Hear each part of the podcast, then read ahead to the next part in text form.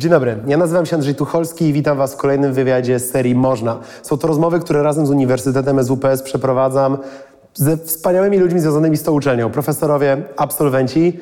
Dzisiaj mam ochotę na taki dosyć suchy żart, gość nie z tego świata, Jakub Faleciński. Słuchaj, połowa, y, znaczy ty zostałeś w Polsce, a twoja drużyna jest teraz gdzie?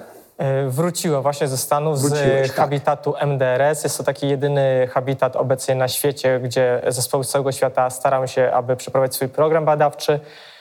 Przeżyliśmy, Przeżyliście? tak. Jeśli możesz, przybliż słuchaczom temat. Ja nie chciałem tego moimi słowami Jasne. psuć, bo to ty jesteś człowiekiem, który dotyka tych spraw, które mogą ostatecznie znaleźć się na czerwonej planecie. O co chodzi z projektem? Jak to przebiega? Generalnie projekt EXO 17, który przeprowadziliśmy w habitacie MDRS, polegał na przeprowadzeniu tak zwanej analogowej symulacji. Analogowa symulacja jest to rodzaj symulacji, która się toczy, toczyła dwa tygodnie, tak jakbyśmy przebywali faktycznie na powierzchni czerwonej planety. W związku z tym mieliśmy pewne ograniczenia w łączności, w ograniczenia w zasobach. Pracowali, pracowaliśmy tak, jak e, byli na czerwonej planecie, stąd misja analogowa. E, Misje analogowe zaczynają się e, od momentu, kiedy szukamy tak zwanych analogów geologicznych, czyli miejsc najbardziej zbliżonych do danych testów. Akurat tak się składa, że tereny pustyni San Rafael w stanie Utah e, generalnie bardzo dobrze oddają część powierzchni Marsa. Dlatego powstał tam właśnie habitat Mars Society, w którym byliśmy i w którym przeżywaliśmy serię niezwykłych przygód. Nie wszystko poszło zgodnie z planem? E, Tak, e, rzeczywistość zweryfikowała nasze założenia. E, Od, od pewnych problemów konstrukcyjnych habitatu już na wejściu po dosyć trudne warunki pogodowe, które miały, utrudniały nam o tyle, że uszkadzały habitat, na przykład infrastrukturę. Mieliśmy raz przypadek, że szukaliśmy anteny po pustyni, jak zespół szukał anteny po pustyni, która po prostu została urwana. Nie mieliśmy przez doby w ogóle łączności z krajem, tak, więc... Yy, Czuliśmy się naprawdę jak pionierzy w serialu Mars National Geographic, gdzie naprawdę wszystko, co się mogło zepsuć na dwa sposoby, psuło się na trzy sposoby. Więc... Z naukowego punktu widzenia, nawet jeśli to mało komfortowe, to wartościowe. Tak, było to świetne studium e, stresu, a jednocześnie dla mnie akurat jako psychologa było to ważne, że zespół dotarł się i zamiast gryźć się między sobą, e, skupił swoje wysiłki na realizacji zadania w utrudnionych warunkach. Rozumiem. To jest coś, co bardzo fajnie, że właśnie wspomniałeś o swojej funkcji. Jeśli mówi się o podróży kosmicznej, to poza, jako fan science fiction, poza bardzo wąskim selekcją filmów, raczej się ignoruje aspekt psychologiczny. Dopiero niedawno o tym wspomniano. Zawsze był problem paliwa, jedzenia, słynne ziemniaki na Marsie, spopularyzowane przez znany film. Jaki, na ile ważny jest aspekt psychologiczny przy rozpatrywaniu takiej misji i dokładnie czym się zajmował psycholog, gdyby doszło do skutku? Tak, generalnie w chwili obecnej pewne raporty NASA wskazują, że technologicznie jesteśmy w stanie wysłać człowieka na Marsa już od lat 80. E, Pojawiły się problemy natury medycznej, przede wszystkim zwiększone promieniowanie w, t- w trakcie przelotu oraz bezpośrednio na Marsie. Ale to, co było jeszcze najsłabiej zbadane i jest stanowi jeden z najtrudniejszych elementów do zbadania, są to właśnie czynnik psychologiczny oraz interakcje ludzi w zespole, jak zbudować ten właściwie zespół. Em, powiem tak, eksperyment Mars 500, który odbył się w Instytucie Problemów Biomedycznych w Moskwie, gdzie, był, gdzie załoga sześcioosobowa była izolowana przez 520 dni, e, na sześć, sześciu astronautów, czterech miało do, dosyć duże problemy psychologiczne z dostosowaniem się i z adaptacją, więc jak widać mamy, myślę, że pokonanie ludzkiej psychiki, dostosowanie się do warunków e, kosmicznych jest to ostateczna granica. I Jakie są najważniejsze wyzwania przy takiej misji, pomijając właśnie na przykład organizację grupową bądź dostosowania? Myślę, że największym problemem jest to e, tak zwany problem znikającej Ziemi. Jeszcze żadna istota ludzka nie była tak daleko od Ziemi, gdzie e, Ziemia będzie wyglądała tak jak jedna z gwiazd, na które patrzymy co wieczu. Więc jest pytanie, na ile będzie taki czynnik oderwania. Jednakże jestem spokojny w, w tym zakresie, ponieważ e, w latach 50. spekulowano, że człowiek w ogóle nie przeżyje stanu nieważkości albo będzie miał w ogóle takie poczucie takiego oderwania e, psychicznego od Ziemi, że w ogóle oszaleje. Jak widać, mamy całkiem e, skuteczne loty i nie, nie istnieją tego typu problemy. Jest to po prostu nowe zjawisko, z którym zespół się spotka. Dodatkowo to, co e, będzie nowe w locie na Marsa, to jest, Marsa, to jest 15-minutowe opóźnienie sygnału radiowego, czyli nie mamy żadnego kontaktu bezpośredniego z Centrum Kontroli Misji. E, Czyli w najgorszym wypadku, kiedy Mars jest w maksymalnej opozycji do, do Ziemi, odpowiedź na pytanie uzyskamy dopiero po 30 minutach, czyli załoga jest całkowicie, musi być samodzielna, samowystarczalna i w razie problemów mo- może się liczyć tylko i wyłącznie na siebie. I to jest podstawowe wyzwanie w lotach dalekich. Rozumiem. Jakie wysiłki są najbliższe realizacji? Jeśli jest jakiś taki timeline, który nas oddziela od spięcia projektu? Mhm, znaczy, to, teraz to, to, to, to, zależy. Ja akurat, moja prywatna opinia jest taka, że najprawdopodobniej najszybciej na czerwonej planecie wylądują Chińczycy w 2049 roku. Z prostej przyczyny. Tam jest po prostu wola polityczna, której w chwili obecnej jeszcze w Stanach Zjednoczonych nie ma dysponują budżetem oraz coraz ciekawszymi technologiami. Poza tym e, moja prywatna ocena chińskiego programu kosmicznego jest taka, że oni w, w, ciszy robią to, co inne agencje robią głośno, tylko oni się są skupieni bardzo mocno na swoich na zadaniach i mają wyniki. Powody powstania tego wyścigu kosmicznego no, były nieprzyjemne, bo co wyniosło człowieka na Księżyc, to była zimna wojna i próba napinania mózgów przed sobą nawzajem. Czy Twoim zdaniem jest szansa osiągnięcia podobnych efektów bez no, utajonego konfliktu pod spodem? Ja myślę, że w przyszłości będzie jednak ta rywalizacja mocarstw. Stany Zjednoczone tak naprawdę teraz versus Chiny ale z drugiej strony pojawił się nowy gracz na rynku, jest to prywatny kapitał, e, są to przede wszystkim firmy, korporacje oraz e, coraz większym stopniu też podmioty pozarządowe, NGOsy. Więc to może spowodować bardzo ciekawy, nowy rodzaj wyścigu, do, do którego wcześniej nie mieliśmy, tak naprawdę nie myśleliśmy. Wcześniej kosmos był zarezerwowany tylko dla kilku najbogatszych i najbardziej zaawansowanych państw na świecie. W chwili obecnej jesteśmy w stanie wysłać i zbudować i wysłać satelitę siłami e, zespołu studenckiego, czego przykładem był PWSAT z Politechniki Warszawskiej.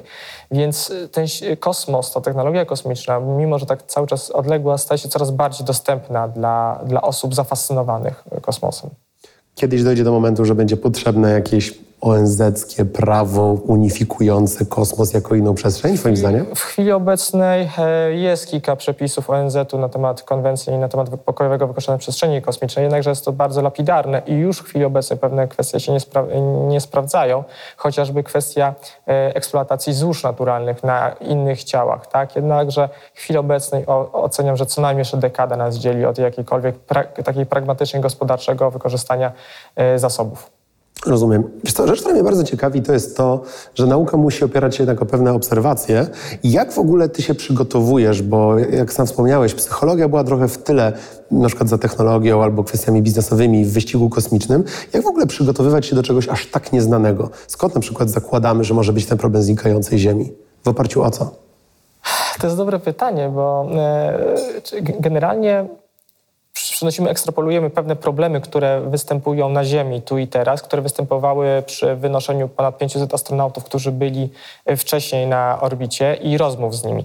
Dodatkowo bardzo cenną pomocą w psychologii kosmicznej stanowi tak zwana psychologia polarna, czyli izolowanych grup zadaniowych, które pracują w ekstremalnych warunkach na Antarktydzie bądź w Arktyce.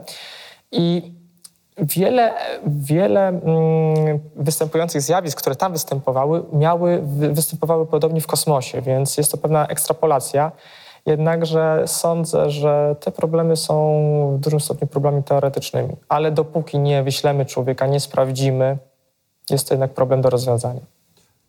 Siedzę teraz przed Panem i wydaje mi się, że odpowiedź tutaj w naszej relacji będzie prosta. Mianowicie tak, istnieją wynalazcy, istnieją ludzie, którzy popychają granice świata o ten metr dalej, dwa metry dalej, ale wydaje mi się, że jest dosyć popularne, jak też korzystam z internetu, takie przekonanie, że już wszystko wynaleziono, na Ziemi już jest mało miejsc do odkrycia. Skąd taka pasywność, skoro no właśnie wróciliście z habitatu i zastanawiacie się nad dobrą misją na Marsa?